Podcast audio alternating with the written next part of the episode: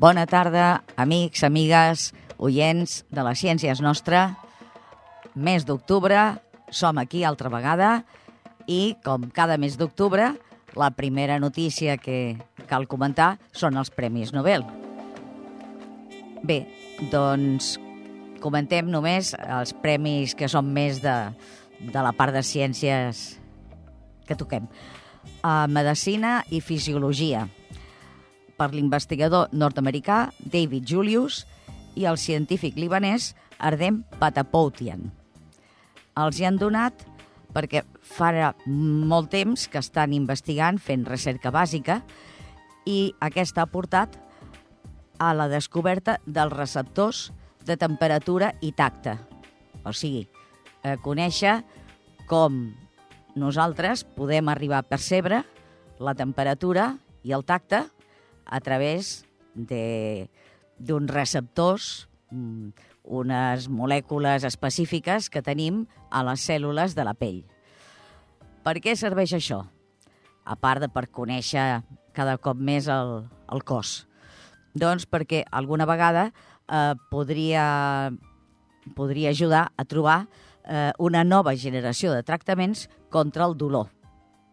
O sigui que és prou important. Premi de Física. Dues parts. Una meitat per al físic italià Giorgio Parisi i una altra meitat pel japonès Seikuro Manabe i l'alemany Klaus Hasselmann. Què han fet aquests? Doncs Parisi ha fet tot un treball de models matemàtics eh, que, per estudiar tot tipus de fenòmens complexos. És important perquè, per exemple, penseu en el clima, mm, penseu en bueno, moltíssimes coses, un flux d'aigua mm, turbulent. Mm? Hi ha molts exemples. I llavors, eh, a través d'aquests models matemàtics, es pot estudiar el comportament d'aquestes eh, fenòmens físics. I l'altra meitat, doncs també per la investigació en models matemàtics, aquests més concretament centrats en el clima, en el clima terrestre. Aquests investigadors han confirmat que s'està donant un període d'escalfament eh, generalitzat. Bé, també és un premi molt important i perquè això també té molta perspectiva de futur de poder seguir avançant amb aquesta comprensió d'aquests fenòmens que són complicats. Bé, i el de química? Doncs el de química ha estat per un alemany, Benjamin List, i un anglès, britànic, David Macmillan. I per què els hi han donat? Doncs per una tècnica que es diu catàlisi asimètrica, que dit així dius, bueno, com si em parlessis en xino. Què vol dir? Què és un catalitzador? Doncs és una substància que permet eh, ajudar a fer una reacció química. Mm? No és més que això.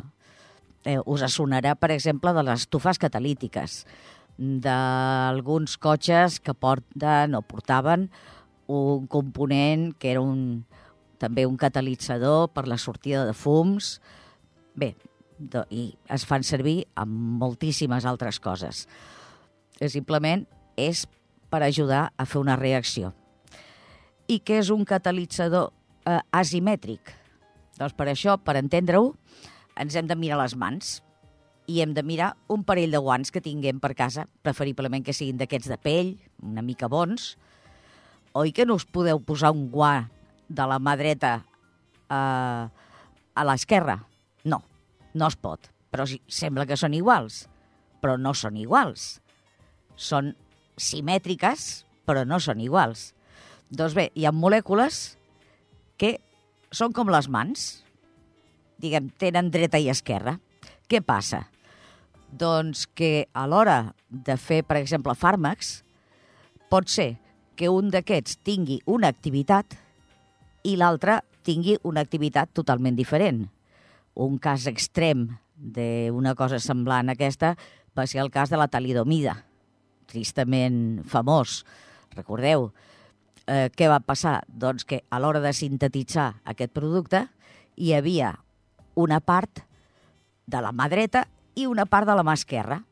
Doncs bé, un d'aquests dos era el medicament, però l'altre va tenir aquells efectes espantosos amb les dones que estaven esperant un fill, que estaven embarassades, que van sortir nens amb moltes deformitats, recordeu el cas. O sigui, és un assumpte molt complicat. Doncs bé, aquests han desenvolupat una tècnica eh, que és molt interessant, que és nova, per aconseguir fer aquest tipus de reaccions i tenir el producte dret o esquerra el que nosaltres volem.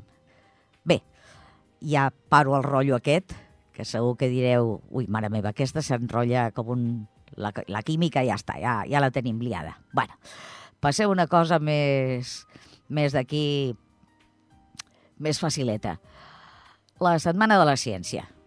Això, mmm, conteu que és eh, del 12 al 21 de novembre, el mes vinent, però, clar, mm, hem d'estar preparats, si no, eh, quan arribi el moment ja no tindrem entrades. Eh, tenim de tot. Eh, jornades de portes obertes, activitats virtuals, exposicions, tallers, de tot. Eh, on serà?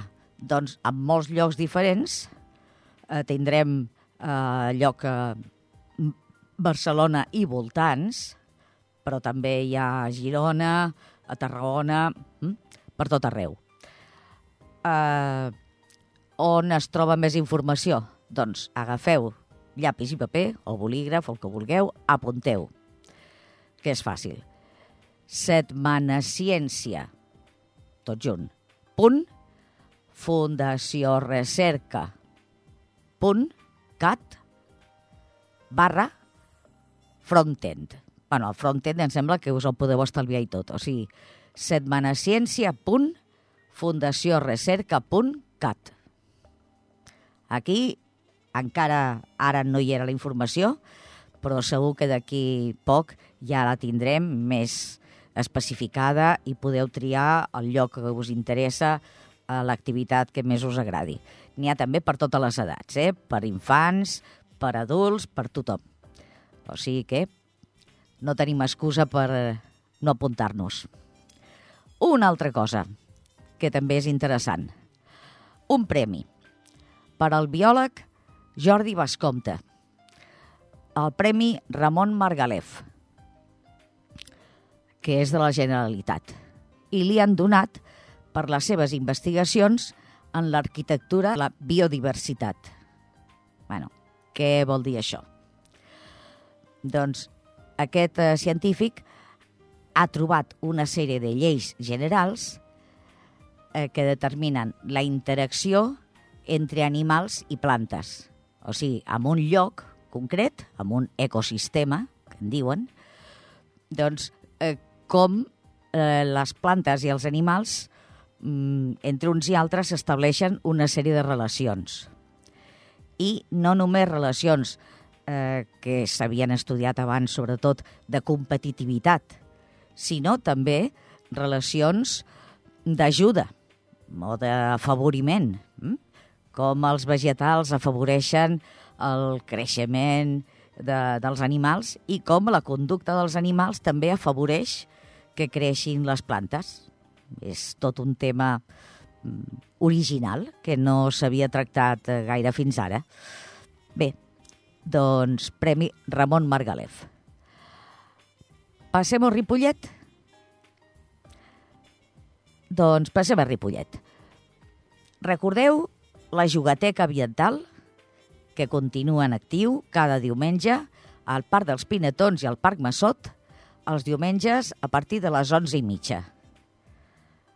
Per tota la família. Mm? Infants i, i, i pares o adults. Segona cosa interessant, eh, formació amb informàtica.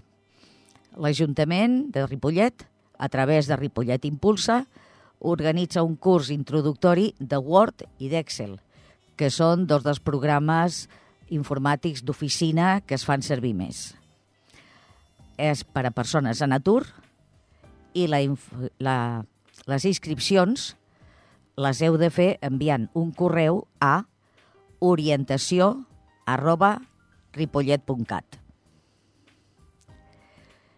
I següent, també aquí de Ripollet. A la biblioteca teniu fins a final de mes una exhibició de fotografia maquíssima, interessantíssima, que es diu El món minúscul. Són plantes i animals del nostre entorn. L'organitza Acció Fotogràfica Ripollet. Molt recomanable.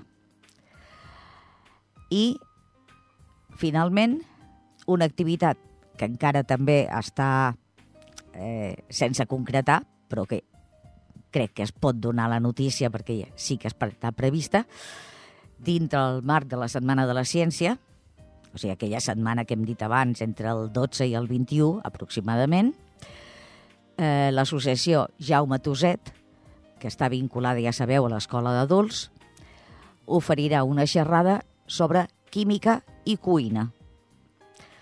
És per a públic jove, adult, o sigui, no és per infants, és per joves adults. Mm? Hora i data encara per determinar, però oh, estigueu atents perquè si és abans del proper, del proper programa tindreu la informació, esperem que pugui sortir a la llana i si més no, eh, que surti a les revistes i que surti al Facebook de les Ciències Nostra, ja ho sabeu, i a l'Instagram de les Ciències Nostra.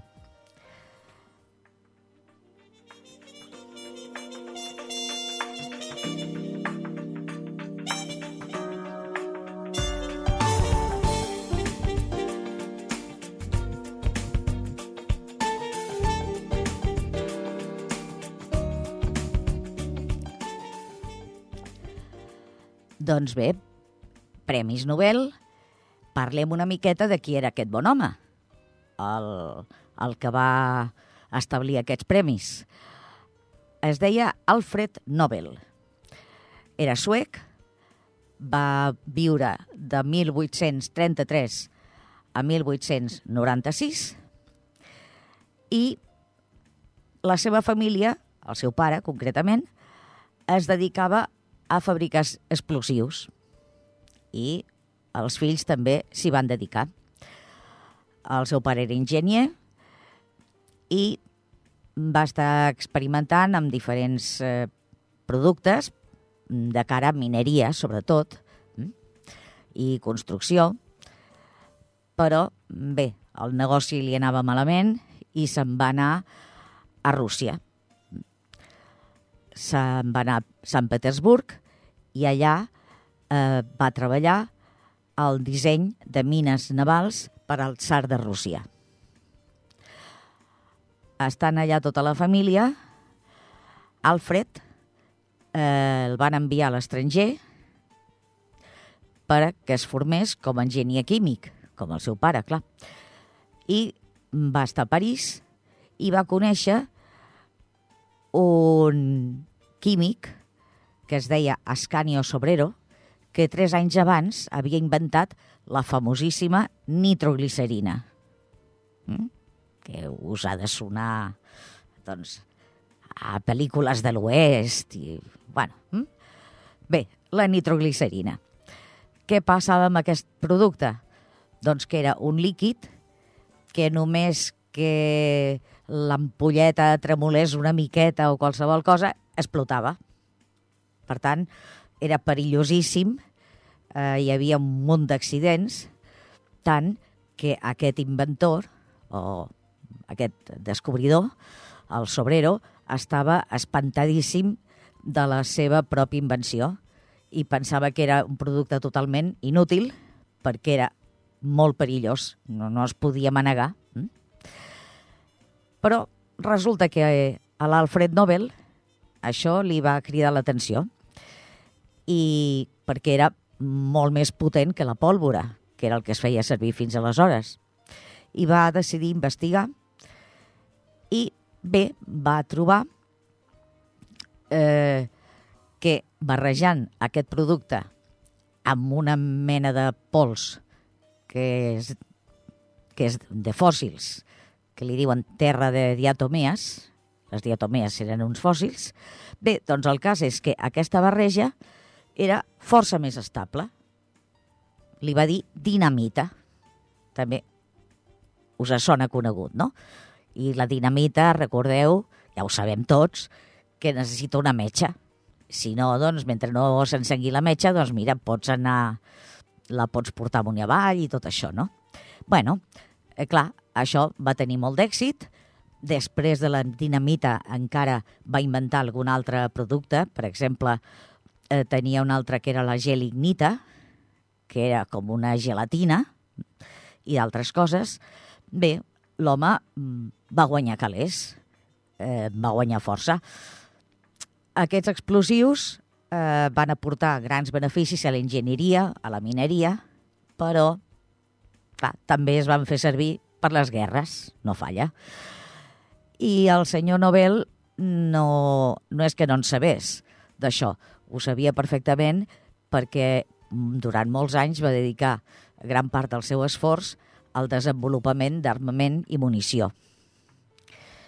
Bé, eh, quan va morir eh, un germà seu, que es deia Ludwig, resulta que un diari francès es va pensar que el que havia mort era l'Alfred i va publicar una nota dient ha mort el mercader de la mort. Ah, és, és molt fortet, no? Es veu que l'home mm, li va fer pensar. Bé, sigui per això, o sigui perquè, mira, mm, eh, perquè la inspiració li va arribar d'un altre, altre lloc. El cas és que el senyor Nobel, en el seu testament, va decidir deixar tota la seva fortuna per establir els premis que coneixem i un premi específicament per la pau.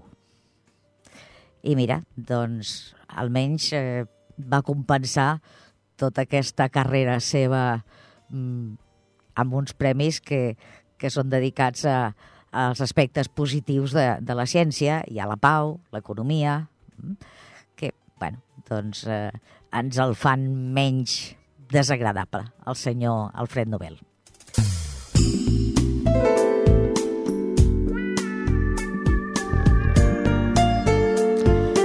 Tenim una nova xarxa de divulgació científica en català. Interessant ens ho explica en Miquel Bosch. Demano perdó per el mal so que, que té, sobretot la meva veu. És una entrevista que he tingut problemes tècnics, però bueno, la part important, que és la part que explica ell, aquesta se sent molt bé. O sigui que escoltem el Miquel.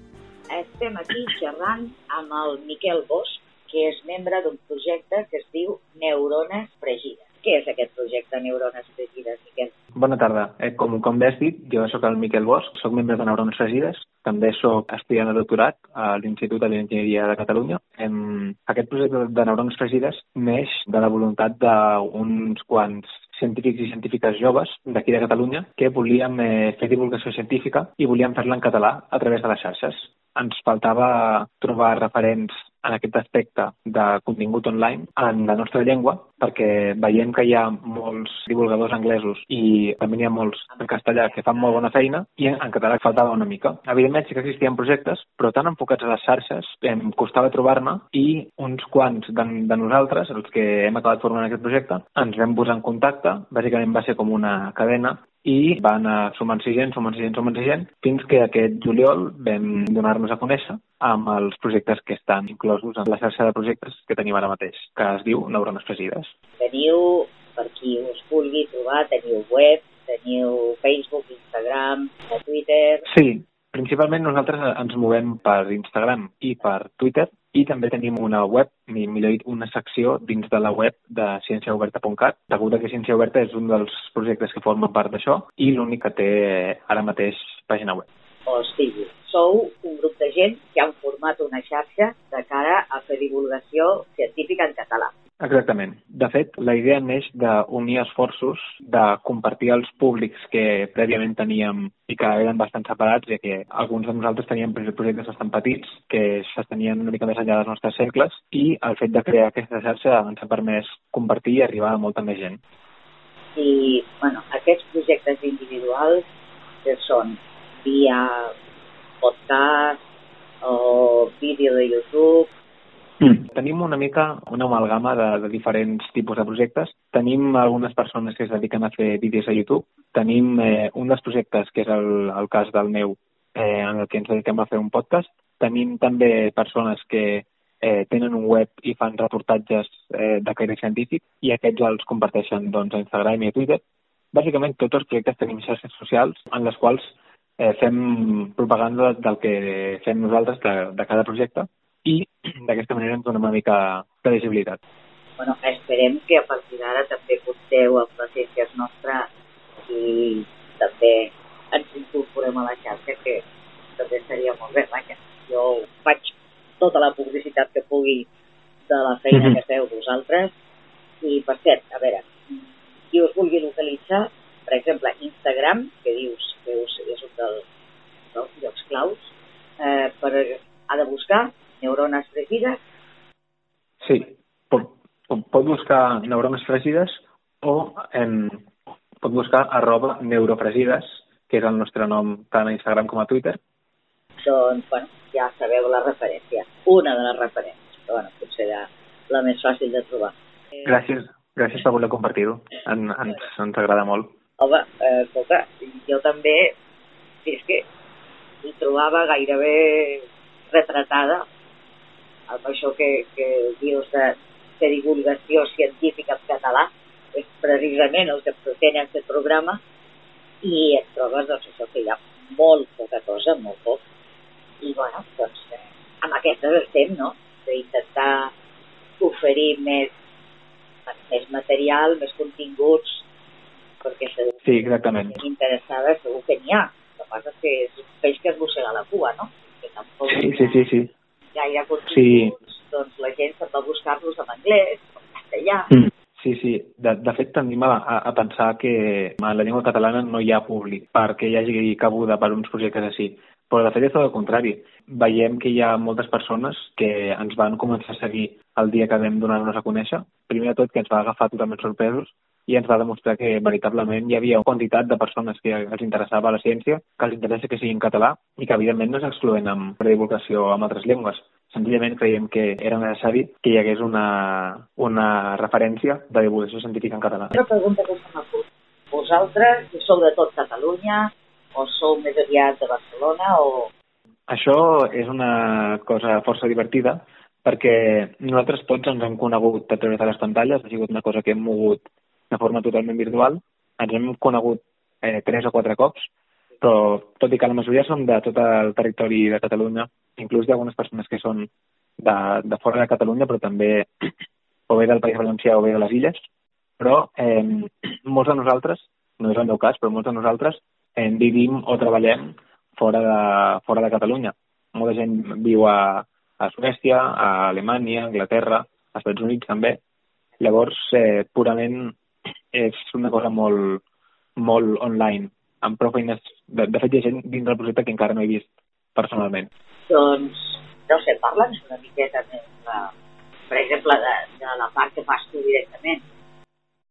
Sí, eh, mira, puc, puc explicar-vos eh, una mica com, com hem, o sigui, què és el que hem anat fent com a neurones, diem, eh, des del juliol que ens hem donat a conèixer, perquè la nostra idea inicial era que senzillament fos una plataforma des d'on eh, anar compartint les coses que cada projecte individual feia, és a dir, quan un dia una de nosaltres treia un vídeo a YouTube o sortia un episodi d'un podcast o eh, sortia un nou reportatge, doncs promocionar-lo des d'allà, però ens hem trobat que hi ha hagut eh, gent, altres projectes, altres, eh, podem dir, persones en general, que estan interessats pel projecte de neurones fregides en si. Eh, llavors, hem pensat que podíem aprofitar aquestes oportunitats que ens venien per també fer eh, en, bon, activitats o pensar també en poder fer coses com a xarxa en conjunt. una de les coses que vam fer va ser visitar el Parc Astronòmic de Prades, que el vam visitar com a conjunt, molts membres de Neurones, i de fet justament allà va ser on ens vam, on ens vam poder conèixer alguns, alguns de nosaltres, i arrel d'això eh, vam poder generar, bé, en aquest cas vam fer una emissió del cel nocturn en directe on veiem constel·lacions, veiem galàxies, inclús algun, algun estel fugaç, i tot això va ser, diguem, generat com a xarxa degut a que ens hem trobat que, clar, eh, tenien tanta bona rebuda que era una pistonada que volíem aprofitar. I teniu pensat de fer alguna trobada més? Em, tenim coses, diguem, al, al calaix. Tenim, eh, evidentment, un, un, un document on anem apuntant idees, on anem apuntant eh, tot el que ens ve de gust fer. Ara mateix no hi ha cap, eh, cap plan que diguem, es pugui comentar o que estigui suficientment lligat com per, com per eh, fer-lo públic, però en farem més i anirem sortint amb, amb noves idees. Llavors, el que puc recomanar és que ens seguiu a les xarxes i que estigueu atents per quan es pugui eh, saber més coses del que estem preparant. Vols afegir alguna cosa més? Eh, bé, bon, eh, senzillament eh, això, animar que no només ens segueixin, sinó que també furguin una mica dintre dels projectes individuals que, que tenim, a veure quin s'escau més el que a cada persona li agrada. En el meu cas, el meu projecte tracta sobre eh, un podcast de ciència però amb ulls de físic i això doncs, pot agradar més a unes persones que a altres. Tenim una persona que es dedica a fer divulgació de caire químic, que és molt interessant si a la gent li agrada un altre tipus de ciència. Tenim també persones que tracten, fan il·lustracions sobre biologia, estic posant simples exemples, i doncs creiem que segur que tots els oients que escolten aquest programa poden trobar algun projecte que realment els agradi.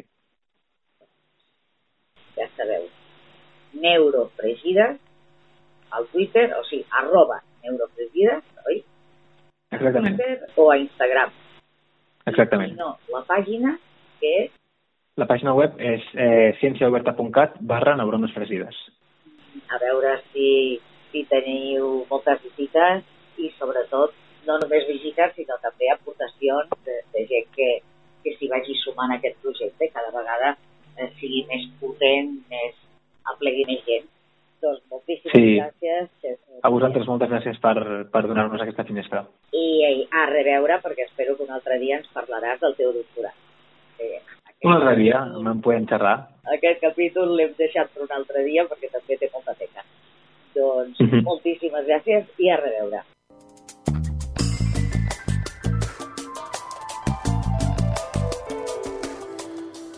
Si us dic Beethoven i intel·ligència artificial, oi que sembla que són dues coses que no tenen res a veure? Doncs ara veureu. La intel·ligència artificial ressuscita Beethoven. De què estic parlant? Doncs estic parlant de la desena sinfonia de Beethoven. Recordeu que només coneixem nou, la novena, famosíssima. Uh, Beethoven es veu que tenia previst de fer-ne una altra, però eh, no la va poder ni acabar ni, ni deixar mitges. De fet, només es conserven trossets per aquí per allà, dispersos, que tampoc ni se sap si formaven part d'aquesta sinfonia ni on havien d'anar. bueno, pràcticament mm, molt poca informació. Però bé, eh, doncs amb aquesta poqueta informació ja hi va haver fa uns anys un músic i estudiós de Beethoven i, i tot això que va intentar mm, recrear com seria aquesta desena sinfonia. L'home no va poder fer més enllà d'un moviment, o sigui que poqueta cosa. I bé, doncs ara un grup de gent que n'hi ha d'experts en intel·ligència artificial, però també n'hi ha musicòlegs, o sigui, experts en música, experts en Beethoven, historiadors... Entre tota aquesta gent, doncs, han tornat a agafar el repte, a veure si poden, a partir d'aquells fragments, crear una sinfonia, a veure, que no serà, seguríssim, no serà el que Beethoven hauria escrit, però almenys que soni a Beethoven, eh? i que soni bé, que també és molt important. Bé, doncs han entrenat entre tots una intel·ligència artificial per imitar l'estil de Beethoven i amb això hem arribat a poder escriure una sinfonia completa basada en aquests esbossos eh, que teníem per allà dispersos. El resultat, doncs, és tan bo que si no és expert que coneixes ja aquestes, aquests trossets eh, que tenim conservats, no saps on, quins són els trossos que tenim conservats de Beethoven i quina és la part inventada per aquesta intel·ligència artificial. Doncs bé, perquè us feu una idea, tenim el tercer moviment de la sinfonia, que és un scherzo allegro trio, que ara l'escoltareu.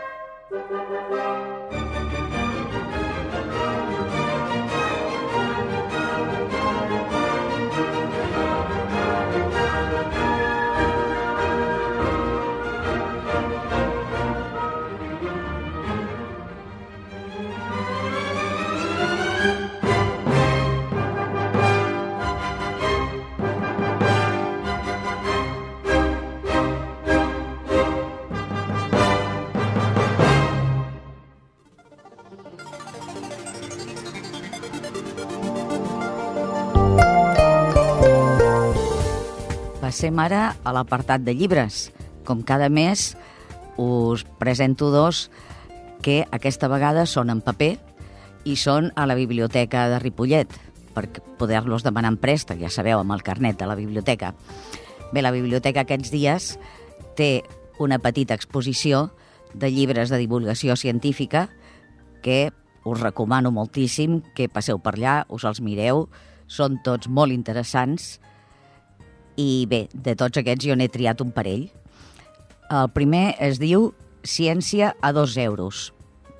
Reptes científics i experiments per a gent desperta. L'autor és en Dani Jiménez i l'editorial és Ara Llibres. És de l'any 2009. Aquest llibre diu que explica tafaneries científiques, curiositats sorprenents i experiments enginyosos. O sigui, m'explica coses de ciències de diferents àmbits, però d'una manera que és francament amena, divertida, passa molt bé. Jo el recomanaria doncs, de joves en amunt, potser per infants, per nens petits, potser no, però de, de jovenets en amunt, adolescents fins i tot, jo crec que el poden entendre perfectament. I està molt bé. De debò que és, francament, és divertit. El segon, que també ve en clau d'humor, es diu Si tú me dices gen, lo dejo todo. Monólogos científicos para reírte de los teoremas, las bacterias y demás curiosidades. Els autors són un col·lectiu que es diuen Big Bang Theory. Ja veieu que tots són jocs de paraules aquí, ja a partir del títol. L'editorial és l'Esfera de los Libros i aquest llibre són monòlegs.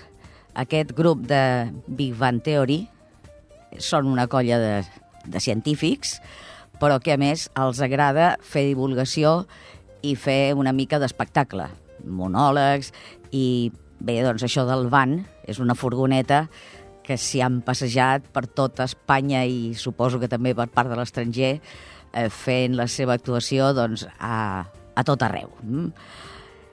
I fan aquest recull.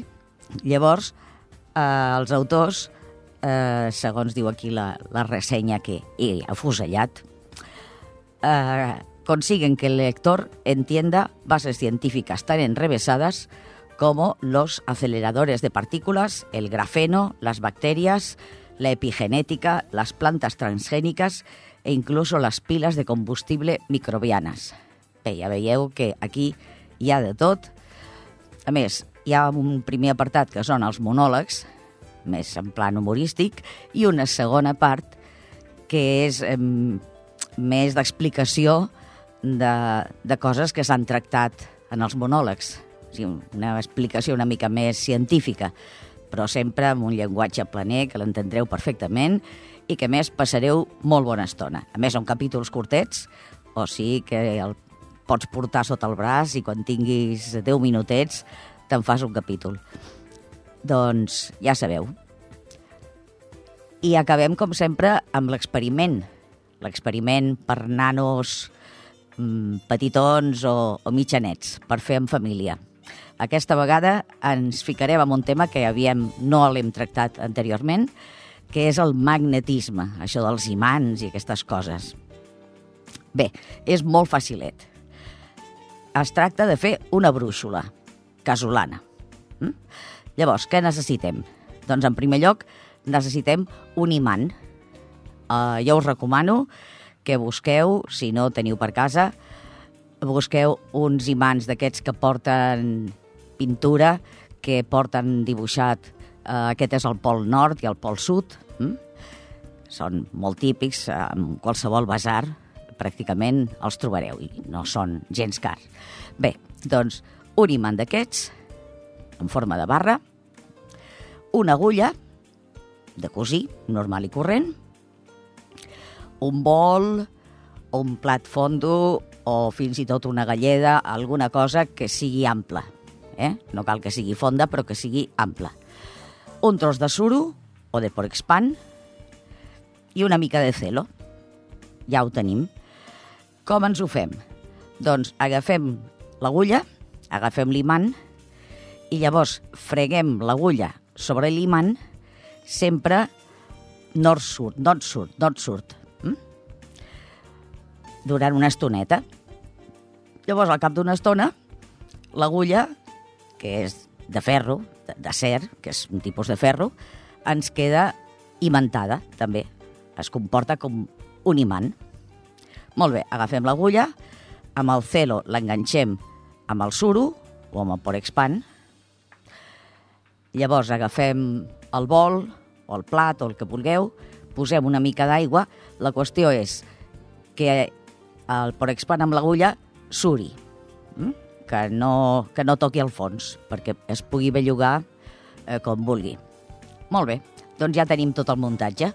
Deixem aquest plat en un lloc que sigui pla i veieu com l'agulla tota sola doncs va, va girant mm, i es va orientant en direcció nord-sud.